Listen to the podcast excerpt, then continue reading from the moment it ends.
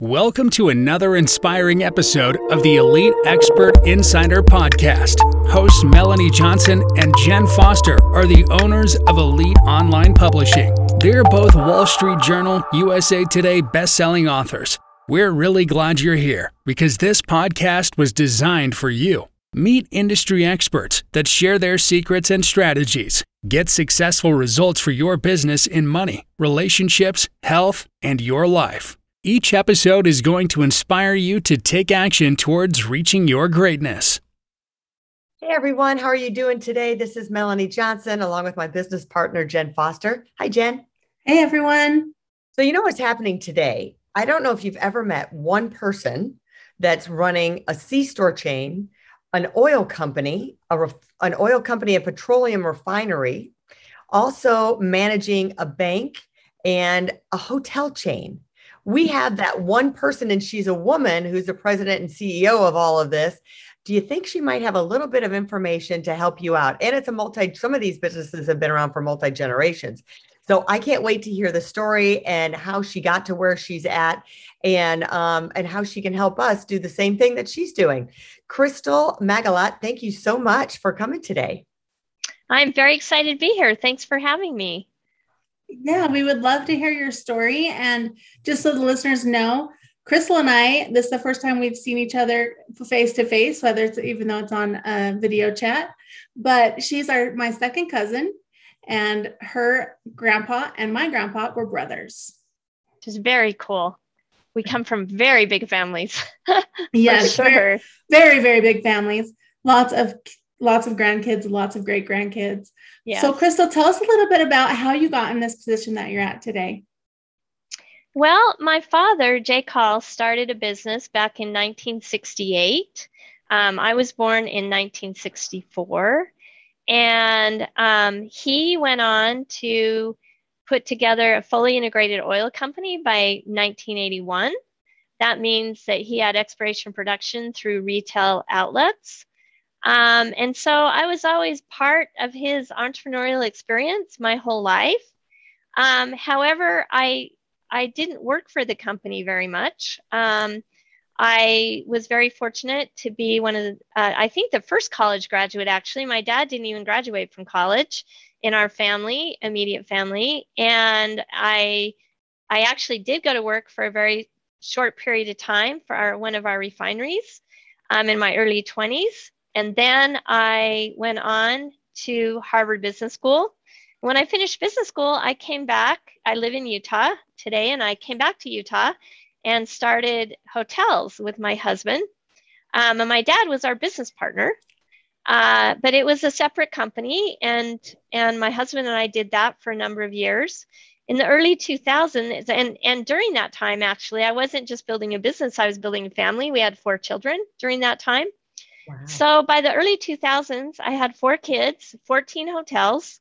Um, my husband and I were working together. Um, and my dad passed away in a plane crash. Mm. And his company, which is called Flying J, was doing very, very well at that time. Um, and it was actually being ran by someone else, a different CEO than my dad. So my dad was chairman of the board, but it was Flying J was being ran by a different CEO.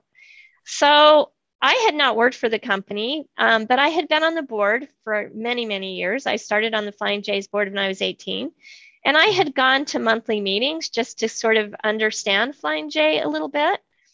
And I had been trained by my dad that this CEO would be great. And so I just went about raising my kids and running our hotel, helping with our hotel company. My husband was actually running it day to day because we had these four small kids. Mm-hmm. But in 2008, when oil went from $140 a barrel down to $30 a barrel in six months, Flying J, that was very levered, became got in trouble very quickly and ended mm-hmm. up in bankruptcy um, on December 22nd of 2008. And by January of 2009, three weeks later, I became CEO of our family business. And I had really two very big goals. One was to pay everybody back, and the other was to save as many jobs for our businesses as I could. Mm-hmm. And so I've been with what we now call FJ Management since January of 2009. Um, we did come out of bankruptcy a year and a half later. We did pay everybody back plus interest. Um, and today we have um, several businesses, as you said. Mm-hmm. However, I am CEO of our holding company, FJ Management. So each of those businesses you mentioned have a management team. Um, my husband runs our 340 convenience stores called Maverick. He's CEO mm-hmm. of that business. And then the refining, the hotels, the bank, they all have um, various governance structures, but definitely executive teams, and some even have boards. So that is how I can do that. Um, and I hope that gives you a little bit of a snapshot of sort of how I got where I am today. Yeah, it's kind of nice to see that structure and see how, you know, a lot of small companies don't think about all of the structure that goes into management and and the different companies that there is and who is in all in charge of that. Yes. So the presidents of the companies report to me. Mm-hmm. That's how that reporting structure works. Awesome. So going through bankruptcy is a huge deal, and a lot of people had to do that in 2008. And yeah. even if they didn't go through bankruptcy, their businesses were crashing. And and then we had oil that you know it was kind of booming here. Again it oil picked up and then it crashed here again in houston. I remember all of a sudden everyone was coming down here and fracking and then then that crashed as well. 2016 yes mm-hmm. it was not a fun year but that's when i started the publishing company so that's what happened to oh, us. Oh okay. Wow. Um, so um I guess my question is what do you get? Because we have COVID now, businesses have cycles and economies have cycles. And what were the things that you did? Obviously, you to achieve that goal to repay everybody and keep as many jobs and to keep the business and make it flourish again. How have you had how did you and how do you continue to pivot your business to get over those challenges? So how I got out of bankruptcy how we got out of bankruptcy was really um, we had truck stops across the country at a network, and we had a competitor who really wanted to be a part of our business and merge our two retail outlets together, our truck stop chains. Mm-hmm. And so we did that and became a minority owner in what became known as Pilot Flying J. Um, that allowed us to get the cash we needed to come out of bankruptcy. I also sold a couple of smaller businesses along the way. Um, so when we came out of bankruptcy in 2010, we had this minority partnership, which then became very successful. But we also had um, our refinery and the bank, credit card processing, our hotels. We still had a number of businesses that we wholly owned. Mm-hmm. Um, and they have all mostly done very, very well. I mean, the hotel struggled during COVID, but um, our businesses have continued to do very, very well. And what we have done with that is we have um, taken the businesses and the cash flow from the businesses we have reinvested. And over time, we have diversified our business even more. And we are not as, even though we're still in petroleum, we are not as all encompassing in petroleum, I guess I would say, right? It's, um, it's still the majority of our enterprise value, but mm-hmm. over time, my goal is that we diversify more. So we also have put together a quite large investment portfolio that invests in public and private equity. We have recently started a healthcare platform, um, which is at the moment teeny tiny compared to our petroleum platform. But I hope over time that we can grow it. We're doing some direct investing in healthcare service companies.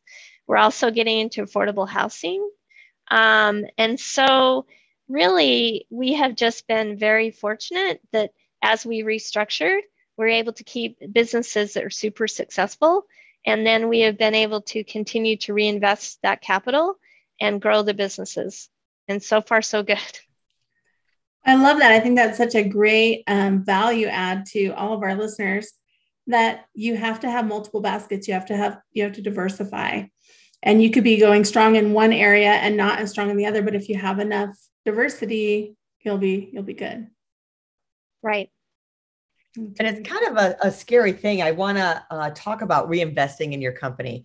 And I've noticed you have verticals that are are not really affiliated. Like you've got oil, but you've got hotels, you've got a bank. They're all different type of things. And you're saying healthcare to me that that is totally out of the box. Has nothing to do with that. Um, it's it's scary for a small business owner like you say reinvest in your business but then you always have there's what if it doesn't work out? And should and how should we reinvest? What should we use the money for? Should it be in people? Should it be in processes? Should it be should we buy another company and bring it on? Um, so how do you you seem like you're fearless in doing that. How do you analyze that and and and tell other people how to be fearless to do it?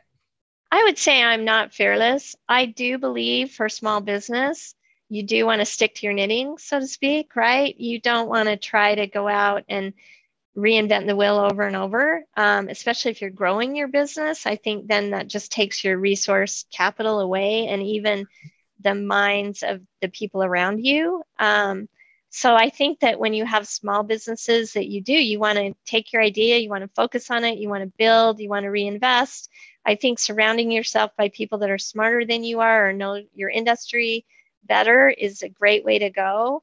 Um, with that said, you know, I I would not even if I had the financial strength to go spend millions of dollars on a business that I knew nothing about, I I wouldn't do it unless, which is what we're doing. Um, when we're starting relatively small, and we've gone out and partnered with people who do know those industries.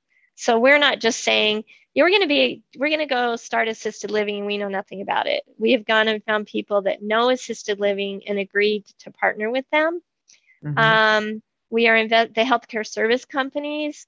We are partnered with a private equity firm that's done healthcare service companies for a long time. Um, they have we have the right to purchase the healthcare companies that they buy at at the end of a period, you know, when they want to sell them, we can purchase them and then they would become ours. And hopefully by then, you know, we would like their management teams or um, what their strategies were. But yeah, I I think that where as I study family business some or business, a lot of times businesses get in trouble because they basically kind of bet the farm on something they know nothing about.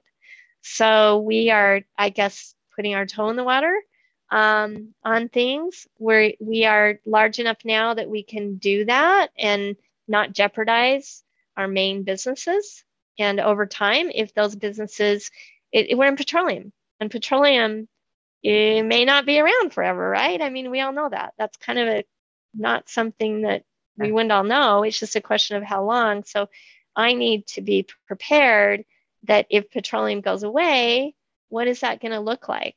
I mean, I I hope that our business our business is generational, and I hope that we're providing jobs for lots of families in the future. I love to say family business helping families because we are, you know, our families hopefully helping other families, and they're and it's I I hope that we provide jobs for people for a long time, and I take a lot of pride that we provide jobs that that last, right? That we don't sell companies just to sell companies, which, you know, that's something. So, so I guess, you know, um, I, I have a book. It's called Building Value to Last.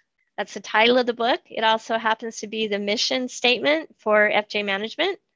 And that kind of falls into play with what we were just talking about um, because I want to build value to last. It's about generational wealth and doing good, not necessarily about a quick amount of money and I retire. Yeah, I love that. And so many times you hear of companies who like like you said just sell out or or even sadder where they just have owned a company for 30 40 years and then they just close their doors because they didn't build it the right way or have enough diverse diversification to you know sell it or to move on right. or leave it to their family and the multi-generational so let's talk a little bit about how you are a woman in a man's world. So let's talk a little bit about that and how you how you have um, how that's worked for you and how you just kind of you know how you live with that in in today's society where more and more women are playing your role but in the 60s 70s 80s really wasn't the thing. Yeah so when i first I mentioned earlier that I went to work for our family business in my early 20s. And when I did that, um, I ended up in a position where I was marketing propane and butane, and I was 22 years old. So I would go to conventions in the petroleum industry as a young 22 year old woman, single, by the way. And you can only imagine what that was like in the mid 80s. Um, however, I was super naive about it and I just went and I could negotiate great deals and you know and and I had fun but I um I did recognize there was only one other woman in that small world of marketing LPG products and she was in her early 40s. So I knew that that it was an unusual position to find myself in and I learned very quickly that I needed to have her respect respect for myself that I need to have confidence in myself and that I I needed to do business with integrity right and mutual respect for everyone that I was around and so fast forward to really always being in a room with a with men. That's just what I do. And I, I rarely think about it. Um, I probably think about it more if there happens to be two or three women because it's exciting. It's like, yay, you know, um, there's someone else like me. But in general, I really have felt that I've been respected and treated fairly working with men. Um, I think that you you by the way you act um, i've never chosen to try to be like men. I am myself and i'm kind of a girly girl to some degree so i won't talk about football. I have no idea how to talk about football. So i've been in, in a meeting and people start talking like that or you know it's just chit chat at the beginning of me i just sit quietly until the meeting starts and it's never been a problem. Um, i connect with people in other ways you know and maybe over kids or or you know i love to ski. They love to ski. There's many ways to connect with people that have nothing to do with what sex we are mm-hmm. so i really for me it's been a huge advantage men haven't worked with women as much um, they don't know how to negotiate with women and that's been one of the biggest things that's been helpful to me um, mm-hmm. really is just being able to be a woman in a world where men are not used to dealing with women as much so it gives you that negotiation edge. Do you see um, it changing at all in the petroleum industry or the other industries that you're in that are are there more women than there used to be? Um, and is it difficult for them to rise up above, or um, is it getting easier for them? You know, I'm hopeful. I can't say that I see a lot at this point, um, but I am hopeful, and I really think the key is the more we start talking about what a family is going to do together versus men or women. So, in other words, the thing that concerns me is when we see more women graduating from college. And as you move through the ranks of corporate America, that's what I know best. Um, you see women fall away, or you have in the past, right? Yeah. And usually, often, it's around kids and families' desires to have kids. And for me, I learned that I could have four kids and have a position in the C suite. That doesn't mean I spent every minute with my kids or I picked them up from school. It means that I had to make some sacrifices around raising children. Um, but I had boundaries. I was with them on the weekends, and if they had special things, I would go to them. And I learned as a mom how to be a mom and have an executive position. And I think that that's very difficult if you're rising up in the ranks. And mm-hmm. in the past, you were required to travel or you're required to do a lot of the things you're required to do in a corporate world that men seem to have the ability, have in the past seem to have the ability to do, that women, it got harder and harder. If they mm-hmm. had one kid, maybe they could still pull it off with a nanny. If they had a partner that supported them, but if they had two or three, it got harder and it just got better to just stop. And that's what I think needs to change. And I'm really hopeful in our new virtual world that maybe there's opportunities around that. Maybe if, you know, a woman is not competing with men that are willing to to make sacrifices and miss kids' games and do things that sometimes women are not willing to do, that women will have more opportunities because everybody will want to spend time with their kids, right? So I say, I'll go back to where I started. I think this is all about families and careers and mm. thinking about how you manage as a family to have have it all you know and and it takes some planning i think. And i think that if women end up in a situation where they haven't really they may think they want a career but then they also want to get married and they also have one of kids and they don't talk to their significant others about it then they potentially find themselves with that motherly instinct taking over yeah. so i'm curious that you said you had started when you were 18 to be on the board is that right yes um, and it was like you were going to college get that um, opportunity. But I'm wondering um, how you're teaching your children to come along to keep the generation, keep them active in the business, and and you know, at the time I've taught my children about finance and money and different things as they've been growing up. And I find other parents don't do that. So I'm wondering how you're passing the torch for the next generation.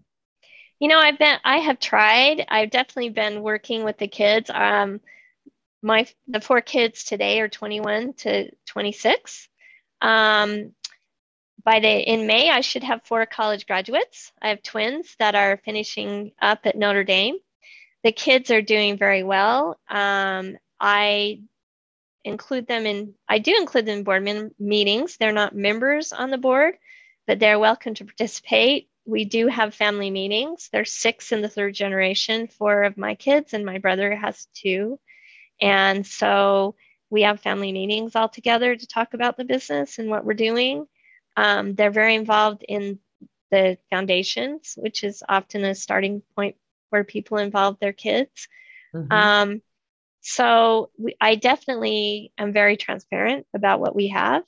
I think it's important that kids who are in family businesses understand the pros and the cons. They certainly lived through the bankruptcy, so they get that piece, right? They were eight to 13, so they were young, but um, they understood that I suddenly went away and went to work, you know, more often or full time. So, um, so they've learned a lot even by just watching myself and my husband. And I really do think that helps too, right? Like you model what you see. And mm-hmm. we have three daughters, so it's it makes me really happy that they have seen that you can have four kids and have be in the C suite. And that alone, besides the conversations about our business with them and besides educating them about our businesses, I think will help a lot in the future. Whether they work here or they're stewards for our business, they're going to be involved in these businesses likely. So, in some way. That's wonderful. And I think it's great to continue on that you know that business owner entrepreneurial spirit back when you know our grandfathers were you know renting out roller skates at the at the that's dance right. hall, right? Yep exactly exactly. That's what they did. Yeah. Definitely. Awesome. Well, we're so grateful for you to be here today tell us where everyone can go to to get your book and to get more information about you and your companies so my book is on amazon it's called building value to last and uh, it has a lot more about the story we've touched on today and my thoughts about where we're going in the world and, and uh, leadership. And so it's another way to learn more. Great. We'll put the link up in the show notes as well as up on YouTube. Great. Thank you so much. Great visiting with both of you today. I appreciate your time. You too. We're just grateful that you were here and shared such valuable information. Um, thanks for joining us today. Remember to subscribe to our podcast. We're here every week and uh, we love to hear comments from you and definitely share the podcast with your friends. And remember, if you're looking to write a book and become a number one best-selling author, um, we guarantee that our marketing will make you a best-selling author here at Elite Online Publishing. Just go to our submission form and we'll see if we think you're a good fit for us. We'll see you next time. Thanks for stopping by. Bye. Hey, are you looking to increase your revenue, build credibility, and elevate your brand? This podcast is brought to you by Elite Online